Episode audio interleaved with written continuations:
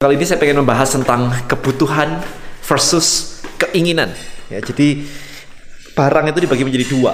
Ya, saya me mengenali barang itu dibagi menjadi dua. Yaitu yang pertama adalah barang-barang kebutuhan. Jadi kita kalau beli itu ya butuh gitu. Kemudian barang berikutnya adalah keinginan. Jadi kalau gini, bedanya simpel sih sebenarnya sih. Barang kebutuhan itu orang beli kalau dia butuh barangnya. Nah, barang keinginan adalah ya kita pengen, kita jadi pengen, kita muncul keinginan akhirnya beli. Nah, bedanya apa sih? Kalau barang kebutuhan, artinya kalau nggak butuh ya nggak beli. Tapi kalau barang yang keinginan, itu keinginannya bisa diciptakan sehingga orang jadi kepengen beli. Nah, ketika kita ngomongin tentang marketing, Marketing itu kan kata dasarnya dari marketing itu sendiri buat saya adalah bagaimana kita bisa menciptakan keinginan sehingga orang itu jadi tertarik dan menginginkan membeli produk tersebut. Ya, jadi kerangka dasarnya dari situ. Maka banyak sekali teman-teman kemarin yang nanya ke saya, kalau saya mau jualan obat, saya punya apotek, saya jualan beras, gimana digital marketingnya? Well, kita masih tahu dulu barang kebutuhan versus barang keinginan ini secara marketing itu gimana gitu. Bayangin aja, kalau misalkan nih air gitu ya, itu barang kebutuhan. Kita nggak bisa hidup tanpa air. Jadi kita manusia itu butuh air untuk bisa hidup. Nah tapi kalau anda bilang Coca-Cola itu bukan kebutuhan, itu keinginan. Karena kita pengen minum yang kayak gitu, yang rasanya kayak begitu, taste-nya seperti itu. Itu kita keinginan. Kalau kalau kebutuhan ya orang minum air, that's it. Maka kalau barang kebutuhan kita tidak mudah untuk menciptakan gimana caranya orang bisa beli lebih banyak. Contoh, kalau misalkan Anda sakit kepala, Anda butuh obat namanya Panadol gitu misalkan ya, obat sakit kepala Panadol gitu. Kita tidak bisa menggunakan apa ya? copywriting yang gimana-gimana supaya tiba-tiba Anda beli Panadol itu satu box besar. Kalau Anda nggak butuh Panadol, ya Anda nggak beli Panadol. That's it. Kalau Anda sakit kepala, Anda nyetok paling satu atau dua strip. That's it. Udah. Ya jadi Bedakan antara kebutuhan dan keinginan. Sekarang barang Anda kebutuhan atau keinginan? Beras itu kebutuhan. Orang makan nasi. Anda makan nasi, keluarga Anda makan nasi. Kita nggak bisa memprospek orang tiba-tiba beli beras langsung banyak.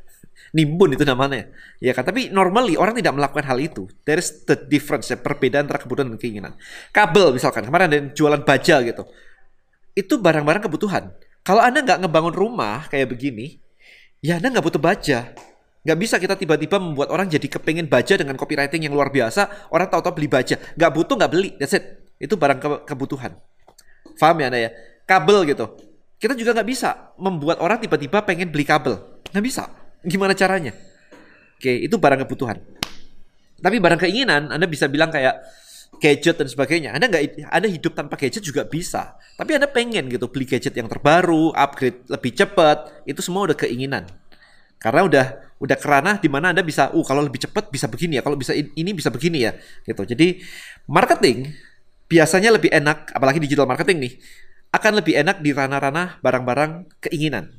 Jadi kita bisa menciptakan keinginan dengan memberikan mimpi, future hope, copywriting, pain, gain, dan sebagainya, teknik-teknik yang diajarkan di luar sana untuk membuat orang jadi pengen membeli barang Anda. Nah, di sini Anda jadi tahu nih, barang Anda sekarang masuk ranah kebutuhan atau keinginan.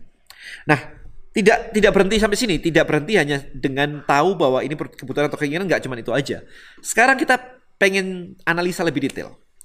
Barang kebutuhan versus barang keinginan ini, channelnya di mana? Jadi kalau misalkan saya jualan beras gitu, channelnya di mana? Atau kalau saya buat uh, jualan obat gitu. Channelnya di mana? Atau kalau saya jualan pintu baja gitu. Pintu baja itu jelas-jelas kebutuhan ya. Karena kita nggak bisa di prospek tahu-tahu pengen beli pintu baja. Ya kalau butuh, kalau saya bangun rumah butuh pintu baja, saya beli karena butuh. That's it gitu. Nah itu harus dicari tahu. Orang nyarinya di mana? Kalau beras, kayaknya sudah jarang ya. Kayak hampir nggak ada ya. Orang harus browsing dulu beli beras. Kayaknya hampir hampir I don't know kalau Anda ngelakuin itu. Kalau saya di rumah saya sih enggak sih. Saya punya asisten rumah tangga yang beli beras, that's it. Driver saya beli beras, that's it. Selesai. Nah, kalau kita ngomong pintu baja, karena itu bukan barang sehari-hari, maka orang kemungkinan masih mencari di online di mana beli pintu baja atau di mana membuat pintu baja. Maka Anda harus tahu platformnya apa, channelnya apa, yaitu Google kebanyakan. Orang tidak mencari pintu baja di Instagram. Jadi kemarin ada nanya kayak, Dan aku jualan pintu baja, udah upload produk banyak banget di Instagram nggak laku. Ya siapa sekarang nyari produk pintu baja di Instagram? Gak ada men. kalau nggak kalau nggak tahu beli di mana pintu baja, yang di, yang didatangin pertama kali adalah Google. Cari distributor atau misalkan um, pabrik pintu baja atau apalah gitu kan, nyarinya di Google.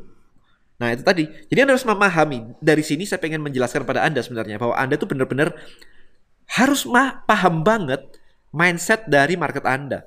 Nyarinya di mana sih? Kalau dia kebutuhannya nyari pintu baja, nyarinya di mana? Jangan ngasal habis itu Anda bilang, wah saya sudah upload di Instagram tapi nggak laku. Ya emang nggak ada yang orang nyari pintu baja di, di Instagram kan? Itu mesti Anda clear dulu di situ.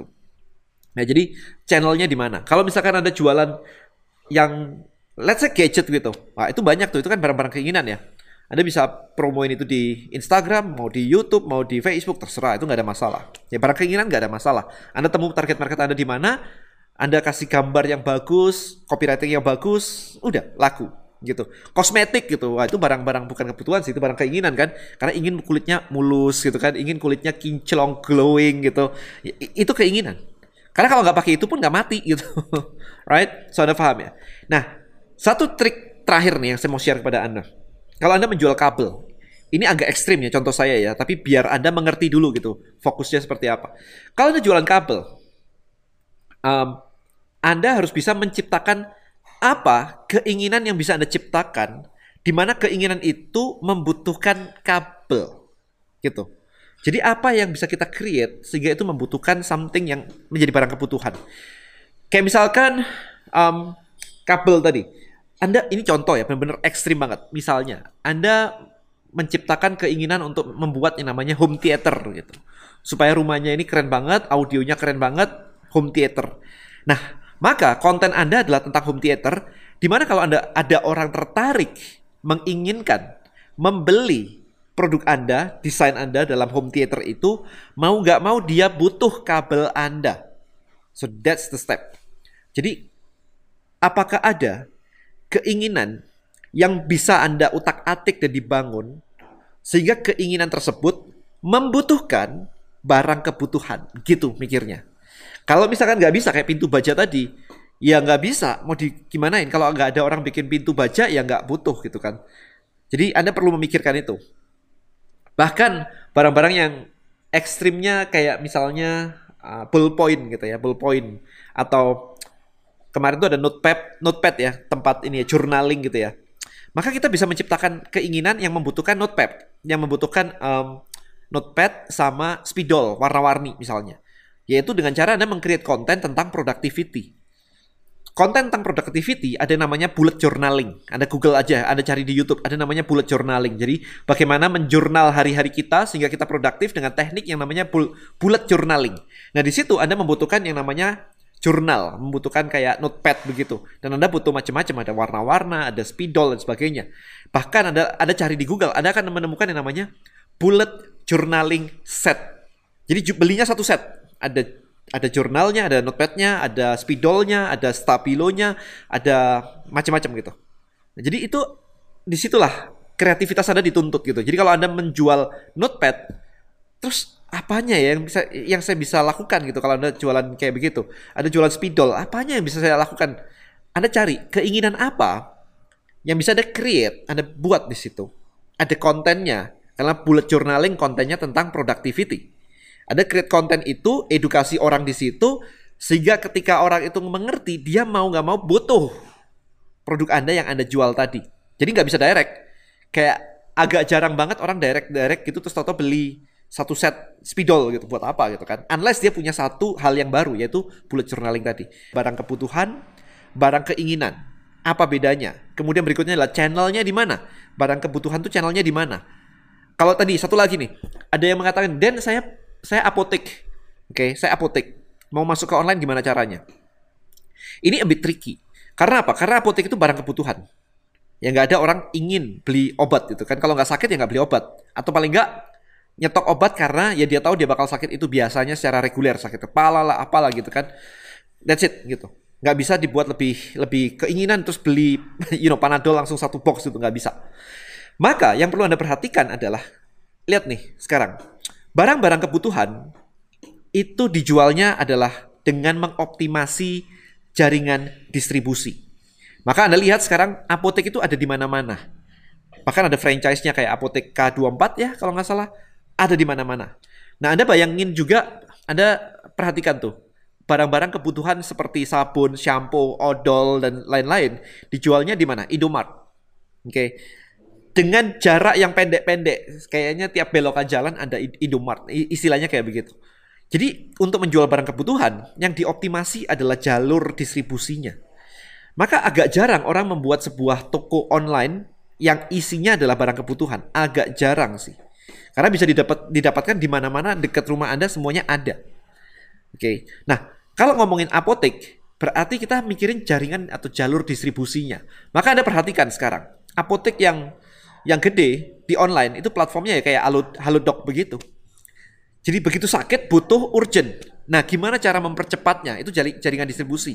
Begitu sakit mau konik, mau komunikasi, mau konsultasi dengan dokternya, udah pakai aplikasi aja. Ada dokternya langsung bisa balesin. Kalau perlu obatnya bisa diorder lewat situ. Nah, itu itu yang dibuat seperti itu, bukan diiklankan gitu ya. Anda jualan Panadol diiklankan. Begitu Anda ngiklanin Panadol, orang lihat iklannya, sakit kepala, dia beli di toko sebelahnya, bukan di tempat Anda. Karena barang Anda barang kebutuhan di mana-mana ada. Be careful dengan itu. Anda ngiklanin produk, tapi malah orang lain beli di tempat lain. Ya, jadi makanya yang terjadi adalah Anda lihat ada ada platform-platform kayak Alodoc itu, di mana itu membangun uh, jaringan distribusi tapi secara online. Ya, itu yang harus di, dilakukan. Alright, pada kebutuhan, pada keinginan, channel distribusi dan yang terakhir adalah gimana caranya Anda membangun keinginan yang membutuhkan barang kebutuhan tadi. Itu caranya.